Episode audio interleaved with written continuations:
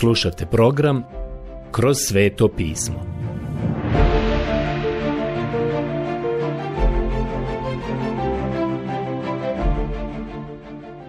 Knjiga Poslanica Efežanima Odlomak Poslanica Efežanima Poglavlje 6 od 5. do 9. stiha Zadnji put kada smo proučavali ovaj odjeljak koji ima veze sa crkvom, bilo je riječi o tome da je crkva vojnik. Vjernik je dobar vojnik Isusa Krista. Kada govorimo o stvarima koje se tiču vojnika, treba da znamo da je njegova obuka započela još kod kuće, dok je još bio mali, u roditeljskom domu. Ovo poglavlje počinje na izvanredan način. Djeco, slušajte svoje roditelje u gospodinu, jer je to pravo. Poslanica Efežanima 6.1. To je nešto što vojnik mora naučiti. Zatim smo došli do mjesta gdje smo vidjeli stvari koje se tiču odnosa između radnika i poslodavaca. Zapravo, prošli put smo imali samo toliko vremena da se osvrnemo na rad. Ja sam otišao i malo naprijed i pročitao odlomak koji se odnosio na obe stvari, jer to je kao odnos muža i žene. Nemate pravo izdvojiti jedno, a drugo zapostaviti. Odgovornost je stavljena na vjernika koji je radnik. A također, odgovornost je stavljena i na onoga koji je kapitalista, onoga koji je poslodavac. Ovo je odnos zaposlenika i poslodavca. U biblijsko vrijeme podjela je bila mnogo istaknutija i dublja nego što je to slučaj danas. Bio je to odnos gospodara i robova. Ovaj odlomak i počinje tako. Robovi, slušajte svoje zemaljske gospodare sa strahom i drhtanjem, u iskrenosti svojega srca, kao Krista. Ne služite prividno, kao da ugađate ljudima, nego kao Kristove sluge, čineći Božju volju od srca. Dragovoljno služite kao gospodinu, a ne kao ljudima, znajući da će svatko koji učini što dobro primiti od gospodina nagradu, bio rob ili slobodnjak. Poslanica Efežanima 6, 5 8. Pitanje koje smo imali pred sobom bilo je pitanje podložnosti. Na prvom mjestu u domu, odnos muža i žene, a zatim odnos roditelj-dijete. Sada se to seli iz kuće na ulicu, u radionicu i na tržnicu, pa u kancelarije. Ovdje imamo drugačiji odnos i drugu situaciju između robova i gospodara. Ne postoje veze ljubavi kakve postoje u domu, ali djeca Božja koja su ispunjena duhom sveti trebaju biti podložna jedna drugima. Zapravo, Pavle je započeo sljedećim riječima. Pokoravajte se jedan drugome u strahu Kristovu. Pogledajte poslanicu Efežanima 5.21. Za neke je to u redu za nedjelju, za crkvenu službu. Ali šta je sa ponedjeljkom ujutro kada idete na posao? Radite za vjernika, a i vi ste vjernik. Možda ste radnik koji je vjernik, a zaposlen kod nevjernika. Procjenjuje se da su polovina stanovništva Rimskog carstva bili robovi. Otprilike je bilo 120 miliona ljudi u Rimskom carstvu. Dakle, 60 miliona od toga su bili robovi. Kršćanstvo nikada nije napalo to zlo koje se zove ropstvo, ali doprlo je do roba u njegovoj degradaciji i podiglo ga je uvjeravajući ga da ima svoju slobodu u Kristu. Propovijedalo je evanđelje koje po svojoj prirodi osuđuje ropstvo i na kraju je skinulo okove ropstva sa ljudskih tijela i razvrglo okove sa njihovih umova i duša. I u Sjedinjenim američkim državama jug je morao izgubiti. Ja sam južnjak, ali jug je morao izgubiti jer je ropstvo bilo pogrešno. To ne znači da je sjever bio u pravu u svojim metodama, već to znači da je princip robstva bio pogrešan. U Rimskom carstvu je bilo mnoštvo robova koji su došli Kristu. Crkva je počela dosezati mnoge robove, čak i do same Cezarove pretorijanske garde i do same carske palate. Pavle sada kaže, budite pokorni. Crkva nije potaknula revoluciju protiv zle prakse robstva, ali je propovjedala evanđelje koje je bilo revolucionarnije nego što je jedna revolucija ikada bila. Svaka revolucija je uvijek imala neke svoje nuspojave, a to su bile gorčina i mržnja koje su se nakupljale kroz vijekove. Međutim, kada se Kristovo evanđelje propovjeda, ono će onda srušiti svaki zid ili pregradu. Nikada nije bio neki vremenski period u kojem bi se Amerika mogla nazvati kršćanskom zemljom a tek smo mi danas daleko od toga.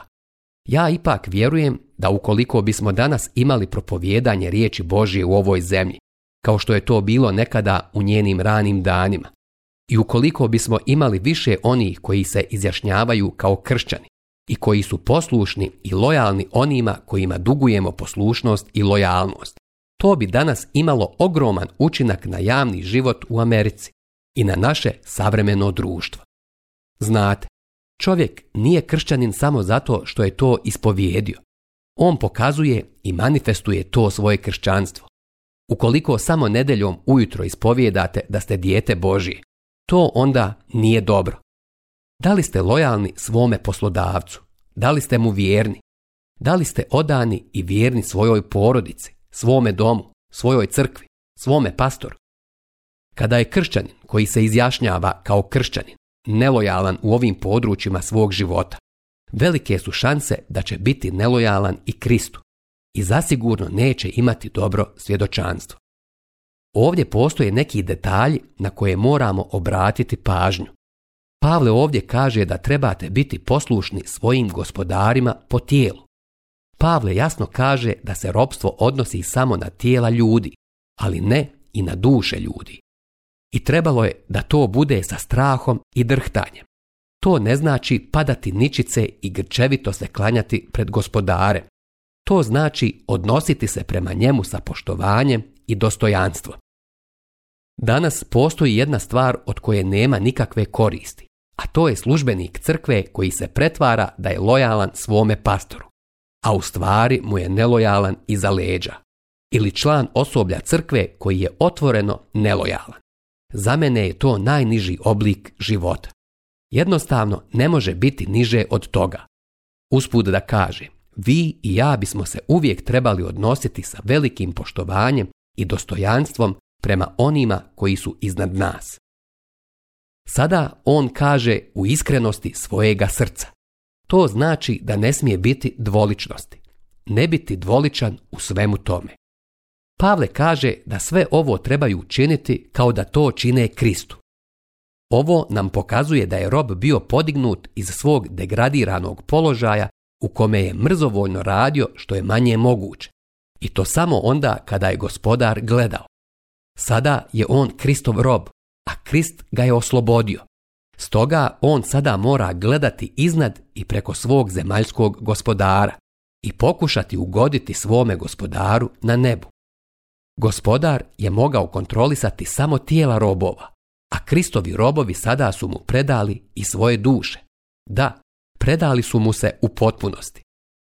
Kao što možete vidjeti, Pavle je sebe nazvao Pavle, rob Isusa Krista.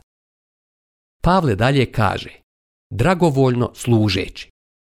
To pokazuje da bi njihovi stavovi trebali reflektovati njihovo kršćansko služenje. Kada dijete Božje, bilo da je rob ili gospodar, zaposlenik ili poslodavac, dođe do mjesta gdje je motiv njegovog života ugoditi Kristu, onda se sve one prepreke koje postavljaju kapital i rad lako prevazilaze. U naše vrijeme ja mislim da postoji nova vrsta robstva i ono je zahvatilo sve nacije svijeta. U našoj vlastitoj zemlji postoji robstvo, i to ne samo robstvo tijela, nego i duha. Mislim da je takvo ropstvo daleko pogubnije i smrtonosnije od onoga koje je postojalo u Rimskom carstvu. A hiljade i hiljade ljudi su danas spremni podnijeti bilo kakvu žrtvu radi neke strane ideologije. Možete to nazvati kako god hoćete. Imao sam ovdje u Kaliforniji privilegiju razgovarati sa grupom studenata sa Berklija. Ovi mladići su se posvetili gospodu i proučavanju političke ekonomije kao glavnog predmeta svog studiranja. U prošlosti su bili robovi ovog koncepta i oblika političke ekonomije, ovog određenog sistema, ali sada su oslobođeni toga. Jedan mladić mi je rekao, jedno vrijeme sam mislio da možemo manipulisati ekonomiju i da možemo učiniti da svi budu prosperitetni i sretni. Još mi je rekao, sada vidim da će samo Krist moći donijeti takvo društvo. To ne znači da nećemo raditi na tome, ali to znači da ćemo imati na umu da smo limitirani i da samo Krist to može učiniti. Dakle, šta je to što danas može raskinuti okove? To je samo sila Kristovog evanđelja. On kaže, ako vas dakle sin oslobodi, zaista ćete biti slobodni. Evanđelje po Ivanu 8.36 Krist je taj koji nudi slobodu. Razmislite o hiljadama ljudi koji su danas u ropstvu droge i alkohola. Zabrinjavajuće je to kako alkoholizam danas obuzima živote mnogih ljudi. Ne želim ulaziti sada u to, ali ono o čemu govorimo jeste to da postoji ropstvo koje se tiče i nas. Osoba koja radi za drugoga treba služiti kao Kristu a ne samo kao da služi poslodavcu ili šefu koji je nad njom. Savle iz Tarza je bio rob ideologije, bio je farizej. On je došao Kristu i bio je oslobođen.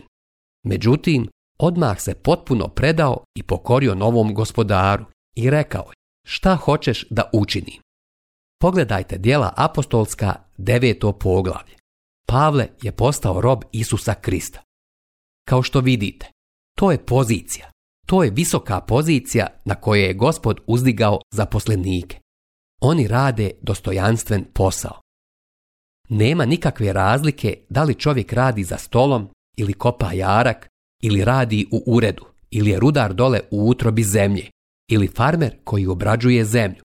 Svako od njih, ako je dijete Božje, može reći ja služim gospodu Kristu. Ali šta je sa gospodarima? Šta je sa šefovima? Ovdje se sada govori vjernicima. A vi, gospodari, isto činite njima i nemojte im prijetiti. Znajte da i oni i vi imate gospodara na nebesima, a on ne gleda tko je tko. Poslanica je Fežanima 6.9 Morate shvatiti ukoliko ste poslodavac, da ste pred Kristom vi samo još jedan običan čovjek. Kod njega nema favorizovanog poštovanja prema određenim osobama. Ono što je gospod rekao za rad vrijedi i za vas, poslodavce. Spadate pod istu kategoriju. I vi imate gospodara, a vaš gospodar je Krist. To je ispravan kršćanski odnos kapitala i rada. Odgovornosti su obostrane. Gospodari trebaju usvojiti isti opšti stav kada je riječ o njihovim slugama, a to je da su i oni sami Kristove sluge.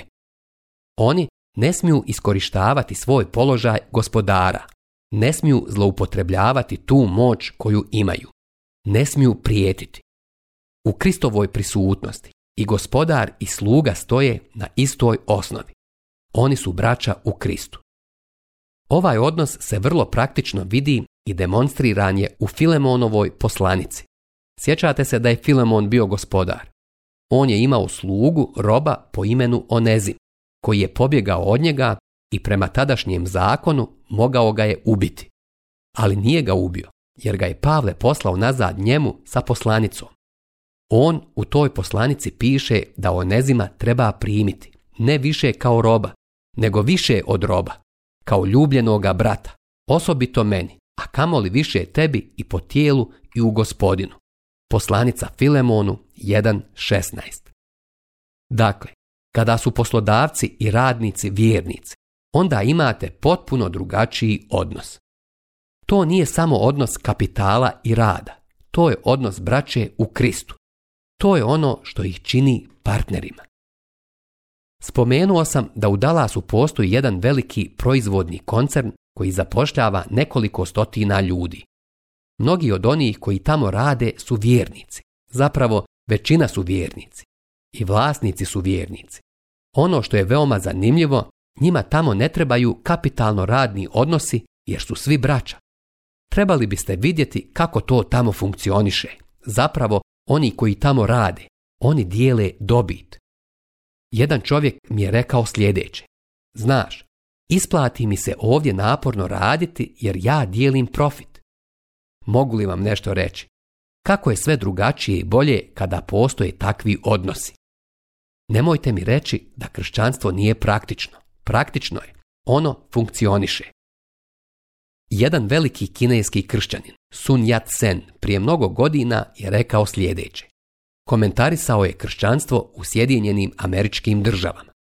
Želim vas podsjetiti da je on pohađao školu tu i da je prilično dobro poznavao Ameriku. On je rekao, ne radi se o tome da je u Americi kršćanstvo isprobano, i da je utvrđeno da ne funkcioniše. Problem je u tome što nikada nije isprobano. To je danas problem. Zadržali smo ga u izlogu. Najljepša stvar koju je iko ikada rekao o mojoj službi, a posebno o ovoj radijskoj službi, jeste ono što je rekao jedan čovjek koji živi u San Francisku. On je mešetar, čovjek koji je izvanredan poslovni čovjek i koji ima bogatstvo.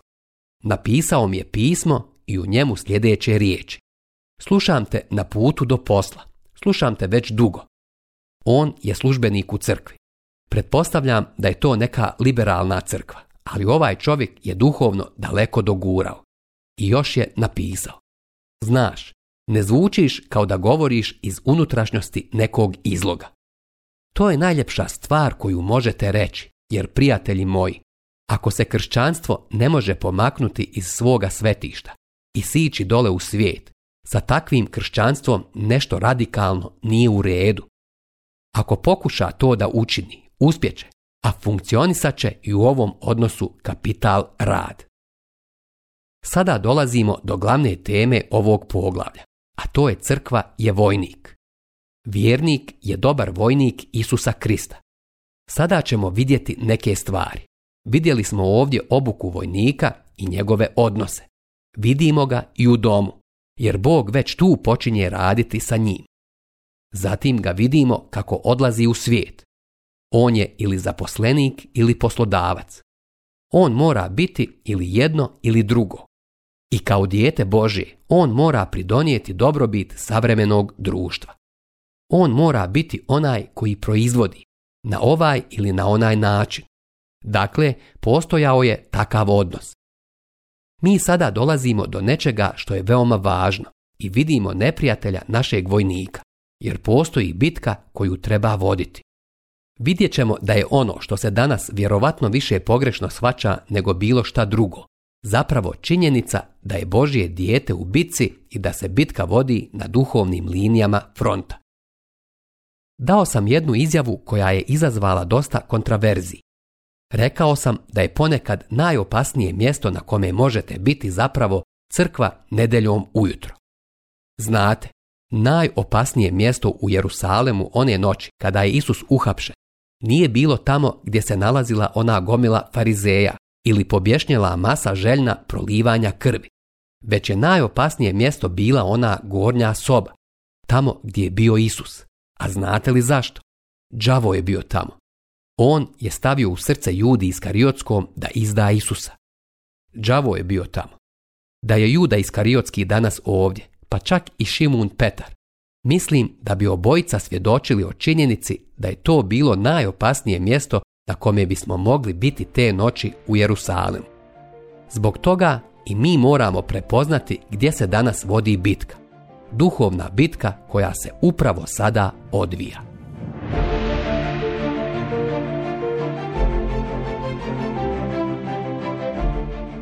Slušali ste emisiju Kroz sveto pismo. Možete nas slušati i na našem YouTube kanalu putem mobilne aplikacije te na svim glavnim podcast platformama kao što su Google, Apple i Spotify. Ako vam se naši programi dopadaju, preporučite ih i podijelite s drugima. Budite slobodni da ostavite svoj komentar ili nam pišite na našu e-mail adresu kroz svetopismo.bih at gmail.com Zapratite našu stranicu kroz sveto pismo BiH na Facebooku i na Instagramu. Emisije iz ove serije možete pronaći na našoj stranici ttb.twr.org.